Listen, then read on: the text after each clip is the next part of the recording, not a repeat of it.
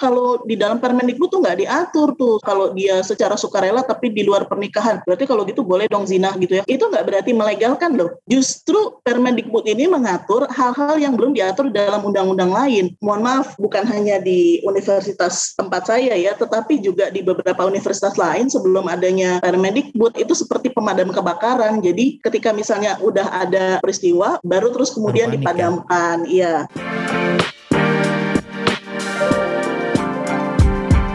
Hai sahabat TCID, kalian sedang mendengarkan podcast Suara Akademia, ngobrol seru isu terkini bareng akademisi. Beberapa waktu lalu, Nadiem Makarim menerbitkan Permendikbudristek tentang pencegahan dan penanganan kekerasan seksual di perguruan tinggi. Untuk membedahnya, pada episode ini kami ngobrol dengan Litwina Inga Nur Cahyo, dosen hukum dan gender di Universitas Indonesia. Dari gunung es kekerasan seksual di kampus-kampus Indonesia, berbagai tantangan pemrosesan kasus sebelum adanya Permendikbudristek ini, hingga bagaimana perguruan tinggi bisa mulai menerapkan aturan ini di kampus mereka masing-masing.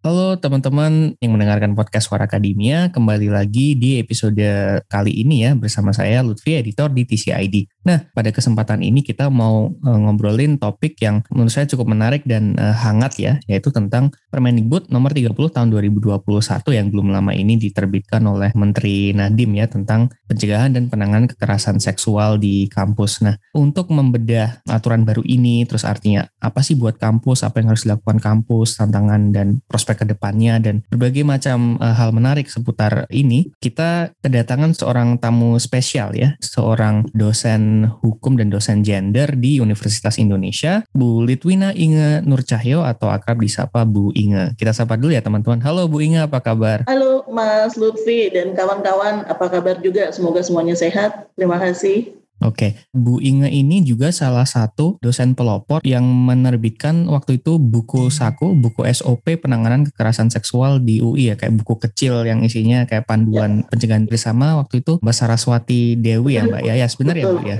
Betul, betul sekali.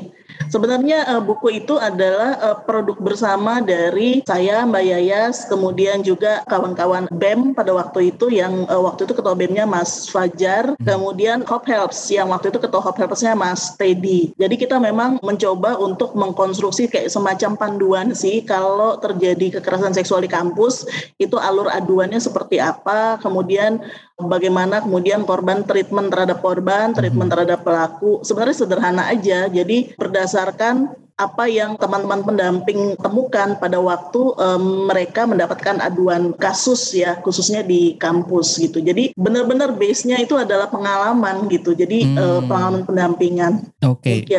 jadi bahkan sebelum Permendikbud terbit ini Bu Inge dan Bapak dosen lainnya kemarin sudah uh, mulai memelopori buku saku buku SOP seperti itu ya bahkan sebelum Permendikbud ya. terbit. Jadi uh, sepertinya sangat cocok ya teman-teman untuk bahas ini. Nah uh, Bu saya mau masuk nih. Bisa kasih gambaran singkat nggak Bu ke pembaca emang kekerasan seksual di kampus itu seprevalen apa sih Bu? Gitu. Karena kan misalnya bisa jadi banyak orang yang mengikuti perkembangan ini atau mendengarkan podcast ini eh, bisa jadi skeptis gitu kayak ya paling oh paling cuma kasus-kasus itu itu aja oknum yeah. gitu sering bilangnya tapi seberapa yeah. prevalen sih bu? Ya, yeah.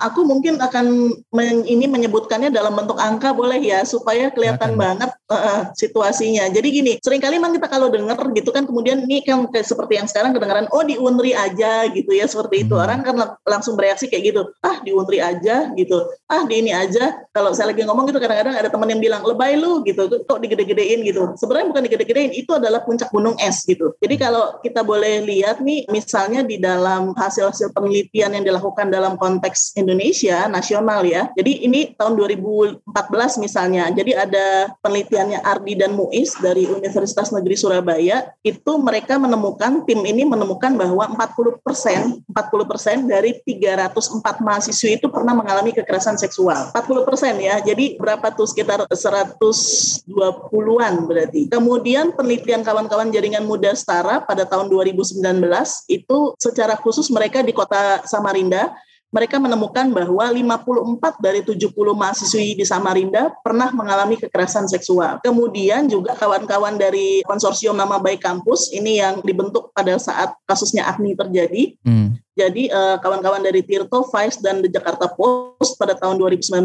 itu menemukan bahwa 179 anggota Sivitas Akademika dari 79 perguruan tinggi di 29 kota di Indonesia itu pernah mengalami kekerasan seksual. Jadi angkanya nih 179 dari 79 dari 29 kota. Kan wow banget kan ya. Ini yang ketahuan dan diwawancara. Yang nggak mau diwawancara pasti banyak gitu kan. Kemudian survei terhadap 76 perguruan tinggi kalau ini dilakukan oleh tim khususnya Kemdikbud itu eh, tahun 2020 itu ternyata temuannya adalah dari 75 responden yang diambil dari 76 perguruan tinggi negeri maupun swasta di Indonesia. 75 persen responden ini menyatakan di kampusnya mereka mengetahui atau mengalami terjadinya kasus kekerasan seksual 75% bukan angka yang kecil saya kira. Itu boleh dibilang 3 per 4 dari 76 perguruan tinggi. Ini ngomongnya perguruan tinggi belum orang gitu. Kalau orang saya kira akan lebih banyak lagi. Demikian Mas Lutfi. Oke terima kasih Bu atas penjelasannya. Jadi kelihatan banget ya bahwa ini nampaknya masih tadi yang dalam uh, bahasanya Ibu adalah puncak gunung es gitu. Karena tentu kayak jumlahnya pasti sangat banyak cuman nggak semuanya kan terekspos gitu atau iya. dilaporkan yeah. dan terlihat terungkap oleh media atau apa gitu. Yang besar-besar dari dulu misalnya yang cukup heboh adalah kasus Agni ya di UGM. Iya, betul. Uh, paling recent yang yang saya dengar itu adalah kasus pelecehan oleh dosen di Unri kalau nggak salah belum lama ya, ini. Nah, betul. Kini ada regulasi kampus ya yang mengatur pencegahan dan kekerasan seksual akhirnya diterbitkan oleh Menteri Nadiem Permendikbud 30 2021 ini Bu. Mungkin sebagai awalan Bu Inga, bisakah jelaskan sedikit bagi yang awam aturan seperti apa sih yang terkandung dalam Permendikbud baru ini? Ya, baik. Jadi sebetulnya Mas Lutfi kalau kasus-kasus kekerasan seksual ini kan sebagian di KUHP udah diatur gitu ya. Hmm. Terus kemudian kan setiap universitas itu kan punya semacam peraturan rektor terkait dengan kesusilaan gitu ya, hmm. etika gitu. Nah, tetapi memang di dalam peraturan-peraturan tersebut belum diatur secara spesifik misalnya tentang bentuk-bentuk kekerasan seksual seperti apa sih yang kemudian itu di kampus sering terjadi dan kemudian harus dianggap sebagai satu hal yang merupakan bentuk kekerasan dan harus kemudian dihapus gitu ya. Kemudian juga belum terdapat juga misalnya atau belum masuk tuh kalau di dalam berbagai peraturan rektor tuh biasanya bentuk-bentuk kekerasan yang sifatnya KBGO. Jadi kekerasan berbasis gender online. tapi uh, online online gitu ya yang dilakukan pada saat kita daring. Kan mau nggak mau kan ketika kita lagi pandemi begini sebagian kegiatan tuh sebagian besar kan jadi akhirnya daring. Nah ternyata nggak berarti bahwa terus kemudian kekerasan seksualnya beres gitu, tapi hmm. ternyata pindah aja dia dengan bentuk yang berbeda. Nah kemudian juga yang Seperti diatur misalnya itu, catcalling via Zoom ya, gitu. Gimana? Atau? Jadi kadang-kadang itu terjadi tuh Mas. Ada ada laporan-laporan masuk juga gitu dan kayak misalnya dosen itu menyuruh mahasiswa mematikan kamera tapi mahasiswa nyalain kamera terus kemudian dosennya flirting kayak gitu kan lucu banget sih. Dosen yang bukan lucu ya.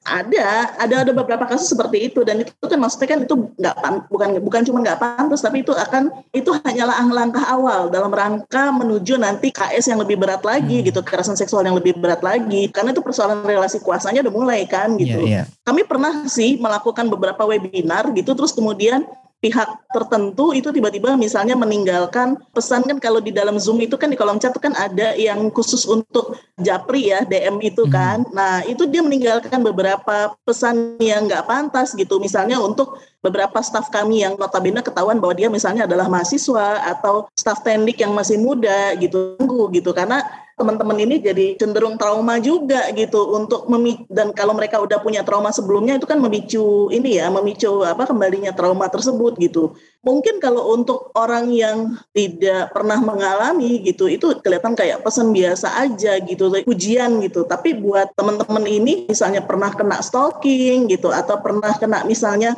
bentuk-bentuk kekerasan seksual yang lain yang dilakukan secara daring buat mereka nih memicu trauma gitu dan ini yang kemudian kalau di berbagai peraturan rektor, kemudian juga bahkan di KUHP kan nggak disebutin tuh soal kekerasan seksual yang uh, berbasis daring ini. Hmm. Nah, selain itu juga Permendikbud ini yang salah satu hal yang menurut saya cukup mengakomodir penanganan kekerasan seksual di kampus adalah bahwa korban itu justru akan mendapatkan konseling gitu. Jadi diatur bahwa memang ada konseling untuk korban dan kalau pelaku ternyata misalnya salah satu sanksinya itu adalah konseling, dia juga harus melakukan konseling gitu. Jadi dalam hal ini memang diaturnya benar-benar komprehensif gitu. Itu sih menurut saya uh, Mas Lutfi. Oke, jadi co coba saya rekap berarti lebih mm. uh, yang yang diatur lebih luas ya. Uh, yeah. nggak cuma cuman misalnya physical atau Iya. sexual violence tapi juga Betul. misalnya daring kemudian lebih komprehensif misal di berbagai Betul. Bidang terus mengatur di berbagai instances dan situations terus highlighting lebih highlighting relasi kuasa mungkin kali ya antara dosen Iya. dan uh, mahasiswa Seperti misalnya ya di dalam eh, pasal 5 ayat 1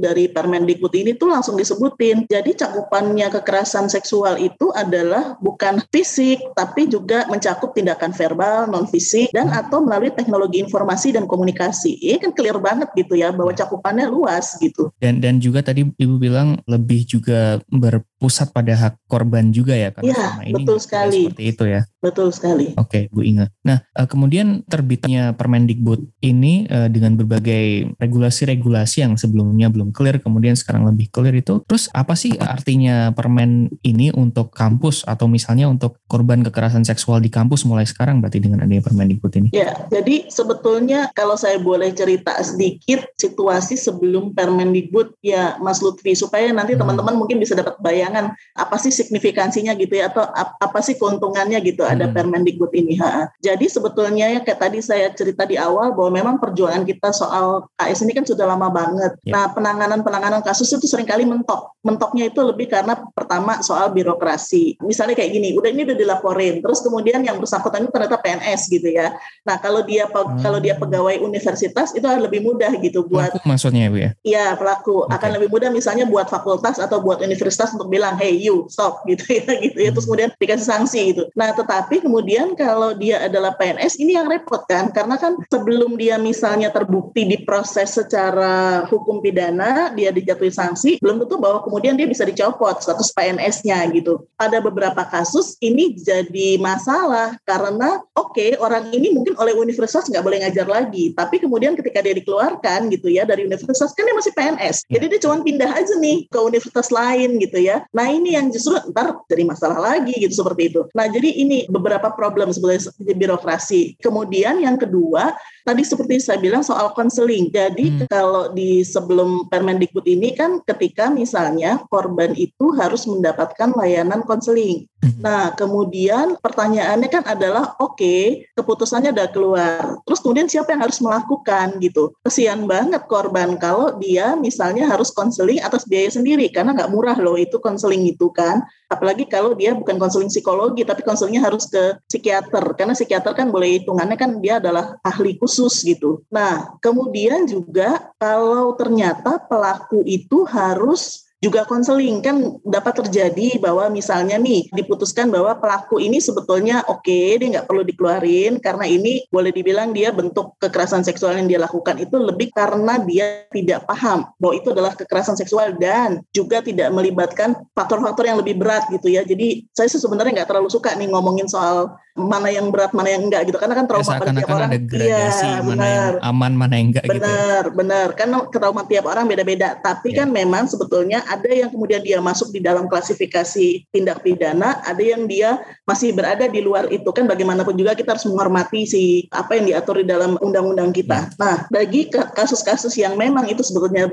masih bisa dikatakan tidak masuk dalam tindak pidana, nah salah satu bentuk hukumannya itu kan kalau dia tidak diproses secara administratif, dia Hmm. juga kan kemudian harus melakukan konseling psikologis. Nah, ini pernah terjadi gitu pada beberapa kasus. Jadi ketika si pelaku ini harus konseling psikologis atau minimal dia harus observasi lah gitu ya untuk membuktikan bahwa dia sadar dan bertanggung jawab atas perbuatannya gitu. Itu kan harus observasi kan. Problemnya adalah kemudian dananya, biayanya itu dibebankan pada siapa gitu. Ini memang nggak enak gitu ngomongin soal budget gitu. Tetapi itu faktanya seperti itu. Jadi ada persoalan birokrasi, kemudian juga ada persoalan beban tanggung jawab siapa, termasuk juga untuk pendanaan. Berarti selama ini ketika misalnya seorang korban lalu itu semua terus misalnya Ya. harus melalui counseling itu berarti Ya. lewat pocketnya sendiri ya, lewat uangnya sendiri apa gimana? Nah, kebanyakan kalau di, saya nggak tahu dengan beberapa universitas lain, tapi kalau yang pernah dilaporkan pada kami gitu ya, itu memang ada yang ada, kalau untuk mahasiswa itu biasanya ditanggung oleh fakultasnya, atau misalnya oleh prodi gitu. Nah, tetapi kemudian kan masalahnya korban di universitas ini bukan hanya mahasiswa, Mas, tapi tapi juga teman-teman tendik. Nah, teman-teman Oh. tendik ini kan kalau dia misalnya statusnya apa? Kalau dia Tendik misalnya itu tenaga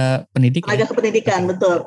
Kalau dosen juga begitu. Jadi kan bukan tidak mungkin dosen muda juga menjadi korban gitu ya, karena Betul. persoalan ini kan persoalan relasi kuasa. Nah, jadi kalau dosen atau tendik, kalau dia misalnya menjadi korban, kalau dia ternyata misalnya statusnya adalah pegawai tetap, mungkin prodi atau fakultas kemudian oh oke kalau gitu nih mesti tanggung jawab kita. Tapi kan sering kali kemudian juga kan nggak masuk di dalam BPJS gitu ya, di dalam asuransi yang eh, mereka miliki dan sebagainya, sehingga kemudian menjadi beban tambahan gitu. Kalau Hmm. untuk teman-teman tendik dan dosen. gitu. Kalau untuk mahasiswa sih itu eh, jadi tanggung, tanggung jawab fakultas. Ya. Tapi kemudian kalau untuk pelaku, nah ini pelaku itu kan kemudian kan sering kali kemudian justru fakultas kan mau menghukum dia gitu ya. Masa terus kemudian ini ini ini ini masih masih dilematis gitu. Jadi sehingga kemudian memang uh, Permendikbud ini akhirnya kemudian mengatur bahwa salah satu beban pembiayaan itu terletak pada pelaku karena itu memang kan adalah bagian dari sanksi yang diberikan. Untuk yang ketiga, Mas Lutfi selama ini sebetulnya kami itu modelnya kalau untuk penanganan kekerasan seksual itu mohon maaf kalau bukan hanya di universitas tempat saya ya, tetapi juga di beberapa universitas lain sebelum adanya Permendikbud atau sebelum mereka punya peraturan rektor itu seperti pemadam kebakaran. Jadi ketika misalnya udah ada peristiwa, udah ada api, baru terus kemudian Baru panik, ya? dipadamkan. Iya. Padahal kan sebetulnya kan mungkin bisa dilakukan prosedur pencegahan yang eh, lebih sistematis gitu. Mhm. Nah, kemudian juga persoalannya adalah penanganan ini sering kali nggak komprehensif dan belum tentu sesuai kebutuhan dari korban. Jadi bisa terjadi misalnya salah satu kasus yang pernah ditangani oleh para senior saya gitu ya. Jadi ini udah diadvokasi sedemikian rupa, udah didampingi dari aspek psikologis, tapi terus kemudian orang hukumnya nggak dilibatin. Nah orang hukumnya nggak dilibatin, terus kemudian tiba-tiba masuk orang pihak pihak ketiga dari luar yang kemudian dia tentu punya interest sendiri gitu kan, sehingga kemudian akhirnya kasus ini jadi meluas korban justru malah menambah beban karena ini kan dalam hal ini kan identitas korban justru harus harus dilindungi gitu. Tapi kemudian karena si pendampingnya ini nggak paham jadi kemudian identitas korban jadi tersebar ke mana-mana. Nah ini kan sebetulnya bagian yang tidak kita inginkan gitu. Kita pengennya korban itu langsung ditangani kasusnya prosesnya kemudian berjalan pelaku mendapatkan hukuman yang setimpal korban kemudian bisa melanjutkan hidupnya meskipun saya tahu banget prosesnya pasti berat untuk korban gitu Iya. demikian Tapi, mas tapi Lutfi. setidaknya apa eh, harkat martabatnya terjaga, privasinya terjaga Iya, selama proses itu, itu, ya. benar benar banget gitu dan terus kemudian belum lagi pada beberapa kasus misalnya gitu justru sering kali karena sebelum ada Permendikbud ini kalau korban memberikan aduan justru malah korban diancam bukan diancam oleh pelaku tapi diancam oleh birokrasi bahwa oh kalau gitu berarti kan kamu melakukan tindakan yang sifatnya itu nggak etis asusila Yang sehingga tanda kemudian kutip ah, merusak nama baik kampus. Betul, sehingga kemudian malah justru diterbitkan surat peringatan bagi korban bahwa jadi kalau dia meneruskan proses itu, maka kemudian bukan hanya pelaku yang akan dikeluarkan, tapi juga korban akan berhenti studinya atau misalnya dia tidak diperkenankan untuk semester itu mengambil SKS dan sebagainya. Itu kan menyakitkan ya buat diri korban. Dan bahkan bisa juga kalau misalnya pelakunya misalnya dosen atau apa yang relasi kuasa yang lebih tinggi terus misalnya merasa terekspos posisinya Ya. atau apa bisa menganggap itu pencemaran nama baik lalu pakai UU Betul. ITE lagi juga bisa kan Betul. banyak terjadi juga ya Bu ya. banget betul sehingga kemudian kalau saya sih melihatnya ya jadi justru ini jadi kontraproduktif gitu terhadap penanganan-penanganan kasus kekerasan seksual ini dan malah jadi justru nanti malah dipolitisir gitu kan seperti Hmm. itu. Dan sering kali ini justru malah akhirnya pada tidak menyelesaikan kasus-kasus yang dialami oleh korban tapi justru malah buat korban itu makin terpuruk. Karena kan kemudian orang bukannya nggak mungkin orang kan menyalahkan dia. Gara-gara lu sih gitu ngomong gitu. Padahal sebenarnya itu emang haknya dia untuk ngomong. Ya. demikian. So, sorry Bu, tadi, tadi yang bagian pertama itu kan susah diproses ya karena ada alasan birokrasi. Misalnya tadi kalau Ya. misalnya PNS lakunya agak susah karena misalnya nggak dipekerjakan lagi di institusi tersebut tapi PNS-nya masih ada sehingga Ya. Betul. bisa saya bisa juga melakukan kekerasan di tempat lain gitu kan. Ya. Tapi di, artinya di Permendikbud baru ini itu eh, terselesaikan dengan seperti apa Bu sekarang? Jadi memang salah satu apa salah satu kekhasannya itu kita bisa lihat bahwa pelaku itu bahkan e, misalnya kalau dia menjabat jabatan tertentu dia akan kemudian bisa dinonaktifkan sementara itu kalau dia megang jabatan tertentu karena kan bisa aja kan bahwa kemudian dia tetap aktif dan kemudian akan jadi konflik of interest. Kemudian yang kedua ini ini ini ini juga nanti pada beberapa kasus yang sedang terjadi sekarang ini bisa jadi uji coba juga gitu ya benar nggak dilaksanakan gitu dia kemudian bisa dinonaktifkan gitu. Kemudian yang kedua pada konteks di mana pelaku ini baik dia adalah pegawai dari universitas maupun dia adalah PNS dia kemudian bisa kemudian kemudian menjadi salah satu pertimbangan untuk tidak menaikkan pangkatannya atau justru untuk me membuat statusnya dicopot. Demikian. Detail-detail terkait itu tercantum ya, ya Bu dalam Permendikbud ya. ya? Oke Bu, yang mulai harus dilakukan kampus untuk menjalankan amanat permen ini tuh berarti apa Bu? Kayak kampus itu mulai dari mana? Membentuk satgas kah atau ya. apa yang harus dilakukan kampus? Ini sebetulnya pada beberapa konteks gitu ya, ini sebetulnya ada PR yang harus dibagi antara level universitas dengan level fakultas. Hmm. Jadi kalau untuk level universitas memang rektor ini harus segera kemudian juga menunjuk semacam panitia seleksi ya untuk membentuk gugus tugas ini gitu. Hmm. Nah, mengusulkan sebetulnya. Dan jangan lupa juga kemudian rektor ini juga punya PR untuk menyusun segera atau kalau udah ada draftnya mengesahkan segera peraturan internal kampus untuk hmm. pengaturan soal pencegahan dan penanganan kekerasan seksual ini. Jadi memang ini yang PR harus inline yang harus sesuai dengan Permendikbud. Yang sesuai dengan Permendikbud, betul. Jadi jangan sampai sampai terus kemudian tiba-tiba ngide sendiri kan. Kita sering banget ya tiba-tiba kreatif sendiri. Nah jadi memang harus inline dengan si Permendikbud ini. Tetapi kemudian fakultas juga punya PR jadi PR di fakultas itu adalah membentuk peraturan-peraturan yang sifatnya teknis terkait dengan misalnya satu pendidikan anti kekerasan seksual untuk maba. Itu penting banget. Dan saya sih berharap jangan lagi ada misalnya masyarakat umum yang nggak tahu duduk perkara terus tiba-tiba komentar bahwa Universitas X, Y, Z mengajarkan soal seks bebas nggak ada urusannya itu. Bukan soal seks bebas tapi bagaimana justru hormat atau respect terhadap orang lain sehingga kemudian malah tidak terjadi zina atau seks bebas itu gitu. Hmm. nah terus kemudian yang kedua pada tingkat fakultas itu juga harus kemudian segera mengatur tentang alur pelaporannya sih gitu. Jadi dari mulai tingkat prodi kemudian ke departemen ke fakultas sampai kemudian ke tingkat universitas itu tampaknya tiap-tiap fakultas tuh harus sudah mulai berembuk tuh. Gimana yang paling kemudian efisien. Karena jangan hmm. sampai kemudian terjadi lagi korban itu harus berkali-kali cerita. Kayak tadi saya bilang di awal tuh kan soal birokrasi kampus itu itu yang memberatkan sebetulnya bagi korban. Karena korban misalnya dia di prodi udah cerita terus kemudian nanti dia ketika kasusnya digelar itu di tingkat departemen dia harus cerita lagi. Terus hmm. kemudian di tingkat fakultas dia harus cerita lagi. Terus kemudian kalau ternyata itu dibawa ke tingkat universitas karena banding dia harus cerita lagi. Nah jadi jangan sampai terjadi seperti itu. traumanya terjadi terjadi lagi dan lagi. Banget, banget. Dan kemudian juga mungkin memang ada beberapa bentuk jalur pengaduan yang memang harus dibuka oleh universitas gitu. Jadi entah itu misalnya secara tatap muka gitu ya, atau kalaupun misalnya memang punya mekanisme aduan khusus daring, itu jangan dicampur dengan pengaduan untuk isu-isu lain seperti misalnya plagiarisme, maladministrasi gitu. Bukan apa-apa karena ini justru kalau pengaduan untuk KS itu kan memang dia butuh orang yang paham secara khusus gitu bagaimana menangani aduan itu segera. Dan supaya memang aduannya cepat diproses. Karena kalau enggak maka kemudian istilahnya gini kalau berkas itu kan enggak diproses ya dia akan menunggu gitu. Tapi kalau ini kan orang gitu ketika dia lapor dia pasti berharap segera kemudian dilakukan proses terhadap kasusnya. Karena bagaimanapun juga makin korban menunggu lama maka kemudian satu bukti-bukti juga mungkin akan mulai hilang. Apalagi kalau buktinya adalah fisik gitu ya luka-luka fisik. Yang kedua juga bukan nggak mungkin pelaku pelaku itu kemudian pensiun atau misalnya pelakunya udah pergi ke luar negeri beasiswa gitu kan. Udah dan lulus. sebaliknya juga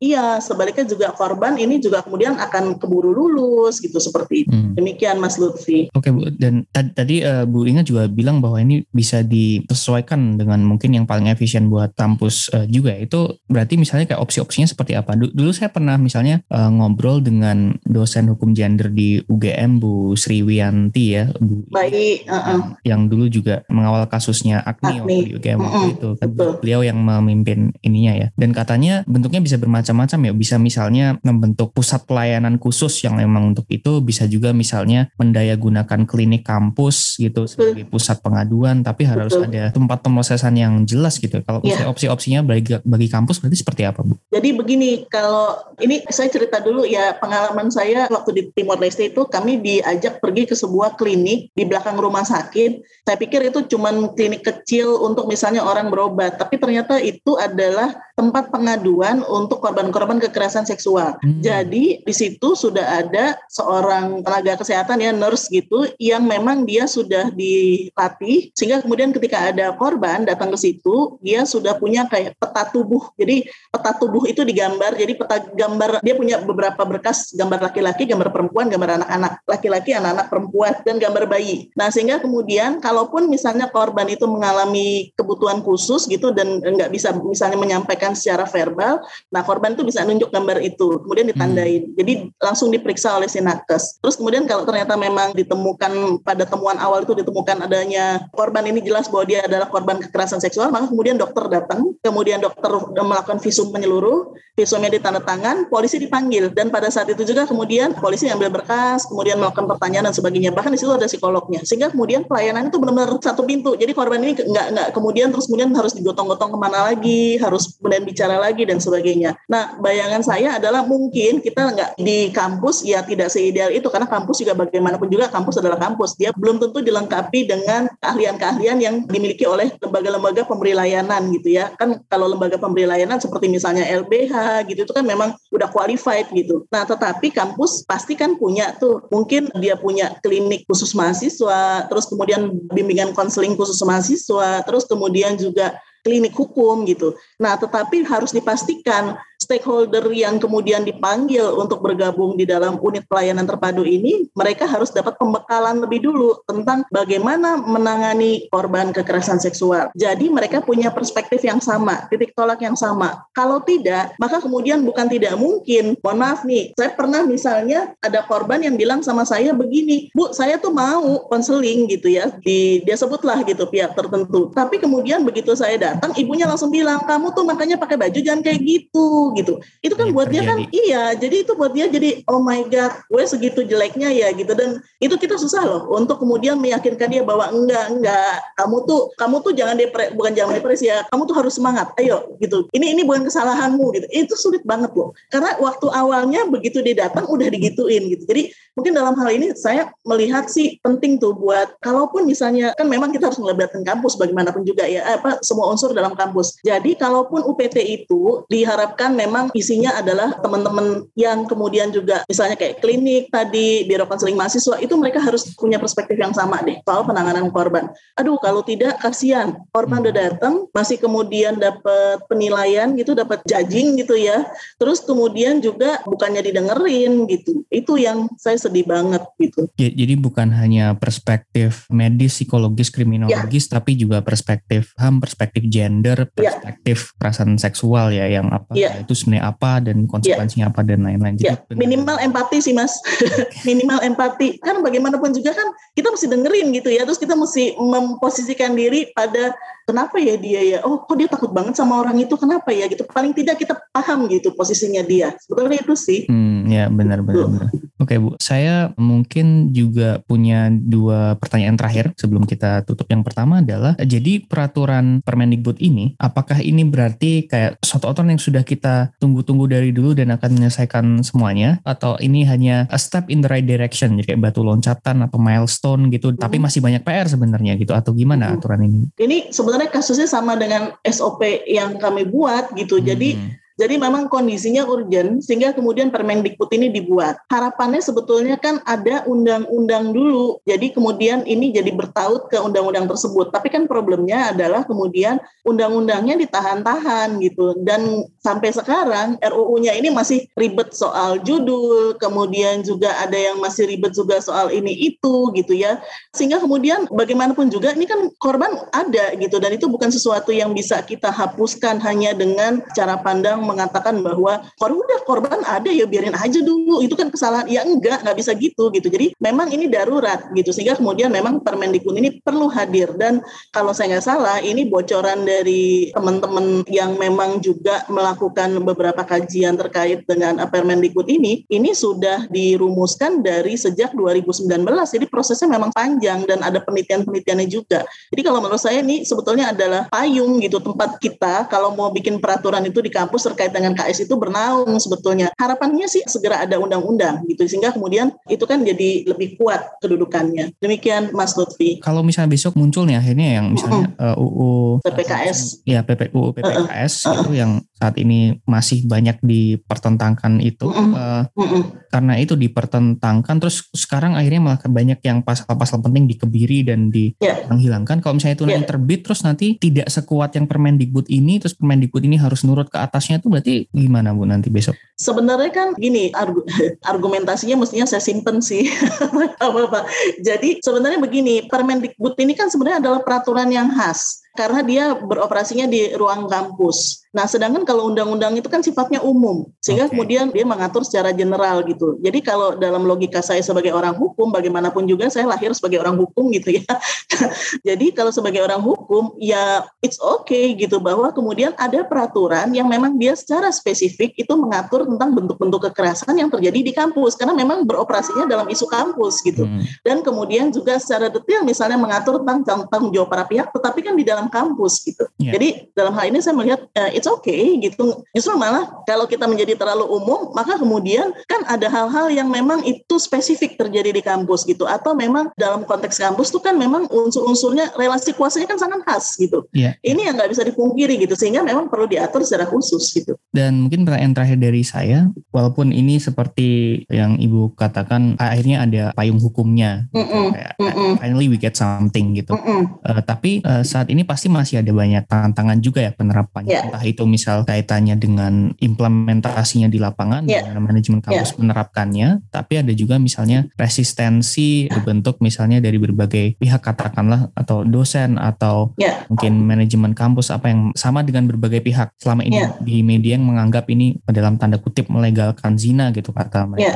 Terus bagaimana mengatasi berbagai tantangan tersebut ke depannya? Satu, kalau dalam rangka mengatasi tantangan tersebut, se- sebenarnya gini, kalau saya boleh menjelaskan dulu ya dua hal. Pertama, sebetulnya ini kan sebenarnya perdebatannya buat saya aneh sih, karena frasa kata persetujuan itu sebetulnya itu frasa hukum yang sangat baku. Coba kita lihat di perjanjian-perjanjian kerja, kemudian juga di kontrak gitu ya, itu persetujuan kok. Bagian gitu. medis Setuju atau gitu. enggak gitu. Heeh. Terus kayak tadi itu Mas Lutfi sama Mas Wafda mau ngerekam saya misalnya gitu kan untuk ini kan itu kan ada tulisannya tuh pertemuan ini direkam apakah anda setuju untuk direkam atau tidak lah iya gitu kan seperti itu Hmm. itu kan baku banget gitu sehingga kemudian kalau itu dikonotasikan dengan tindakan-tindakan asusila buat saya itu satu logika yang aneh gitu dan nggak lazim justru karena ini bahasa hukum yang sangat baku itu yang pertama dan yang kedua kalaupun kan kemudian kan mereka berargumentasinya kan bahwa adalah oh kalau di dalam Permendikbud tuh nggak diatur tuh. Soal kalau misalnya orang melakukan hubungan seksual itu kalau dia secara sukarela tapi di luar pernikahan berarti kalau gitu boleh dong zina gitu ya. Itu nggak berarti melegalkan loh. Justru Permendikbud ini mengatur hal-hal yang belum diatur dalam undang-undang lain. Nah kalau itu misalnya terkait dengan soal zina gitu ya itu kan di dalam KUHP ada tuh aturannya. Kemudian kalau terkait dengan konteks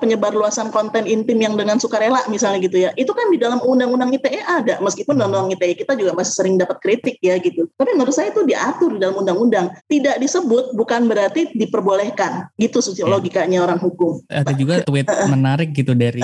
Twitter saya lihat eh, di peraturan tentang lalu lintas itu kan ada wajib memakai helm gitu. Tapi kalau misalnya logikanya kayak gini bisa aja pakai helm terus saya dibolehkan kalau telanjang bulat di jalanan gitu berarti ya kayak maksudnya ya karena yang diatur itu yang yang lain Iya. akan Iya, itu dan dan itu bukan logika hukum menurut saya. Itu logika yang nggak logis ya, karena justru sering kali being logic itu kan adalah kemudian menalar dengan sesuatu yang memang itu ter- tertulis rules, kemudian dikaitkan dengan fakta dalam konteks di lapangan. Itulah logika yang logis ya, logika hukum. Tetapi kemudian kalau itu kemudian dikaitkan dengan sesuatu yang tidak terjadi atau sesuatu yang justru itu malah udah diatur gitu ya, itu bukan logika gitu. Tapi ya udah deh. Saya kira dalam hal ini justru kita dengan segitu kuatnya logika itu dipegang. Buat saya ini justru jangan-jangan ini pengalihan gitu. Mohon maaf ya. Tapi buat saya jangan-jangan ini pengalihan gitu. Jadi supaya Permendikbud ini tidak dilaksanakan karena bagaimanapun juga kan ini akan menjaring banyak pelaku gitu. Jangan jangan-jangan gitu. Tapi Dan tradisinya di- aku di eh, ban.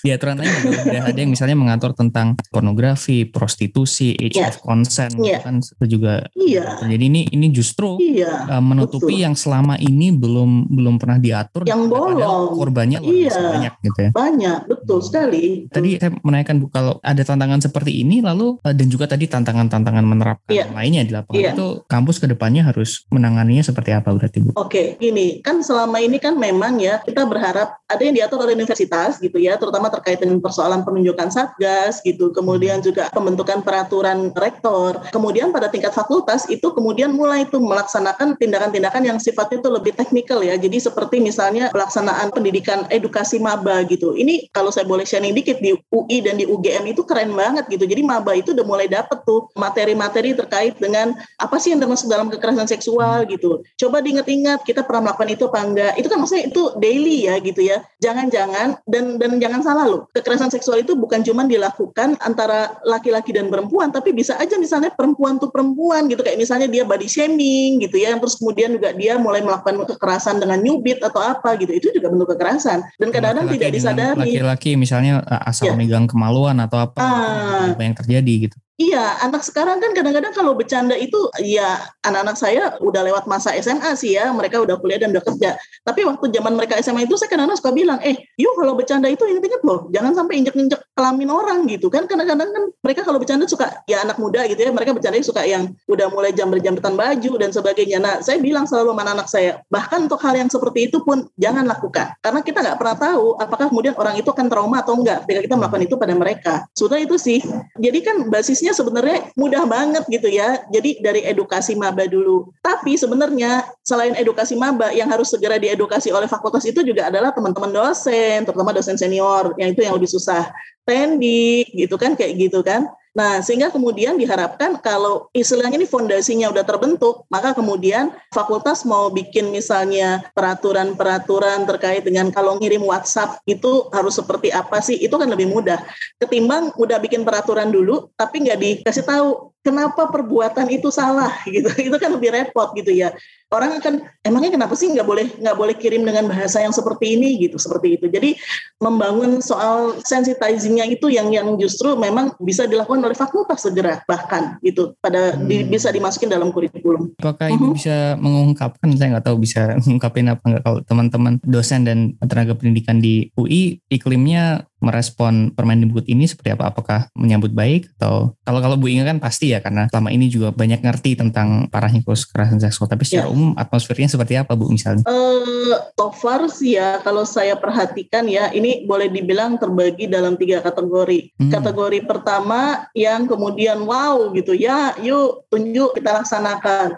Kategori kedua itu yang kemudian sikapnya ya ya udah kalau ada ya udah mari kita laksanakan itu. Biasanya mereka ini kemudian memang masih belum pernah bersentuhan dengan atau belum pernah dilaporin mahasiswa misalnya gitu ya. Yang ketiga adalah yang memang mereka tahu bahwa ini penting gitu ya dan kasusnya meresahkan. Tetapi kemudian pijakannya masih itu tadi soal misunderstanding tentang hmm, apa atau atau mungkin buat mereka bukan misunderstanding tapi perspektifnya adalah bahwa kalau tidak diatur berarti kalau gitu melegalkan uh, zina seperti itu. Tapi kalau menurut saya ini wah begini deh yang harus dikemukakan itu adalah soal kemanusiaan gitu ini ada korban loh gitu gitu aja okay, makasih oke okay. itu aja pertanyaan-pertanyaan dari saya Bu Inga sebelum saya tutup ya. apakah ada yang terakhir yang mau disampaikan ke teman-teman menurut saya teman-teman sekarang terutama kalau ini kan sebenarnya peraturannya untuk di kampus ya tetapi hmm. saya tahu banget bahwa banyak generasi muda Indonesia yang kemudian uh, belum belum beruntung untuk bisa misalnya kuliah di kampus tapi mungkin waktu dulu di SMA, di SMP, atau bahkan waktu di SD itu pernah mengalami juga bentuk-bentuk kekerasan seperti ini. Kita berharap bahwa untuk ke depannya bukan hanya dalam konteks kampus kita punya peraturan terkait dengan ini, tapi juga untuk lembaga pendidikan lain gitu ya. Karena dalam hal ini memang isu kekerasan seksual ini sebenarnya menjadi PR di beberapa, bukan cuma di kampus gitu, tapi di dalam konteks lembaga lembaga pendidikan dan lembaga-lembaga lainnya juga gitu tempat kerja kita juga. Nah ini yang kemudian bisa mendorong lembaga legislatif untuk segera mengesahkan RUU TPKS karena memang ini penting banget sih gitu untuk jadi payung buat kita untuk misalnya segera melakukan pencegahan dan penanganan kekerasan seksual karena kekerasan seksual itu terus terang aja itu bikin kontraproduktif gitu. Jadi kalau orang jadi korban dia akan terus kemudian tentu trauma, kemudian dia biasanya mengalami beberapa gejala termasuk juga misalnya misalnya untuk bekerja itu atau belajar dia pasti nggak akan maksimal gitu. Jadi ini ini kalau untuk konteks negara ini sebetulnya bikin kontraproduktif. Demikian Mas Lutfi, terima kasih. Karena di mana pun ada ketimpangan relasi kuasa di sana pasti peluangnya semakin besar untuk terjadi. Sangat Betul. Entah itu dosen mahasiswa, eh, Betul. bos karyawan, bahkan suami Betul. istri itu bisa di mana terjadi. Teman-teman itu tadi adalah uh, Bu Litwina Inge Nur Cahyo, dosen dan peneliti hukum dan gender di Universitas uh, Indonesia. Kita belajar banyak ya tadi dengan uh, obrolan dengan Bu Inge terkait kasus KS selama ini di Indonesia dan di kampus. Kita membedah Permendikbud baru ini artinya buat kampus apa yang harus dilakukan dan prospek dan tantangannya ke depan. Makasih banget Bu Inge telah hadir di obrolan hari ini. Terima kasih uh, Mas Lutfi. Dan uh, kalau teman-teman mau follow Bu Inge di media sosial atau di mana gitu bisa follow ke mana Bu Inge? Uh, atau ya. misal kayak pusat riset gendernya UI atau Hope Helps misalnya gitu bisa diikuti di mana ya berarti Bu? Oh, Instagram, okay. Twitter uh, ada semua ya? Iya, mungkin kalau untuk teman-teman yang di kampus itu kalau ingin uh, reach out soal gimana sih kemudian jadi salah satu championnya gitu ya di kampus gitu misalnya pengen bikin SOP di kampus itu mungkin bisa mengunjungi websitenya lamannya si Hope Helps ini karena mereka juga uh, jaringannya cukup luas uh, untuk konteks kampus di Indonesia dan uh, mereka bisa bantu juga misalnya untuk pembuatan SOP terkait dengan penanganan kekerasan seksual di kampus masing-masing. Uh, selain itu juga PKWG UI seingat saya juga punya panduan penanganan kekerasan seksual tapi uh, untuk pusat, remaja. Pusat kegiatan Pusat Kajian Wanita dan Gender okay. Universitas Indonesia. Uh, mereka punya satu buku pedoman khusus juga tuh untuk tapi kan kalau SOP kan untuk kampus khusus ya. Kalau ini untuk remaja. Jadi teman-teman mungkin dari SMA atau SMP yang berminat itu bisa juga kontak di websitenya PKWG Pusat Kajian Wanita dan Gender Universitas Indonesia .uiacid gitu. Jadi okay. itu untuk memperoleh panduan terkait dengan penanganan kekerasan seksual untuk remaja. Terima okay. kasih Mas Lutfi. Oke okay, teman-teman itu tadi dari Bu Inge. Ya, jangan lupa teman-teman juga uh, follow TCID di Instagram, Twitter dan juga follow podcast Suara Akademia. Nantikan episode-episode kami berikutnya. Sampai jumpa. Kalian telah mendengarkan podcast Suara Akademia, ngobrol seru isu terkini bareng akademisi.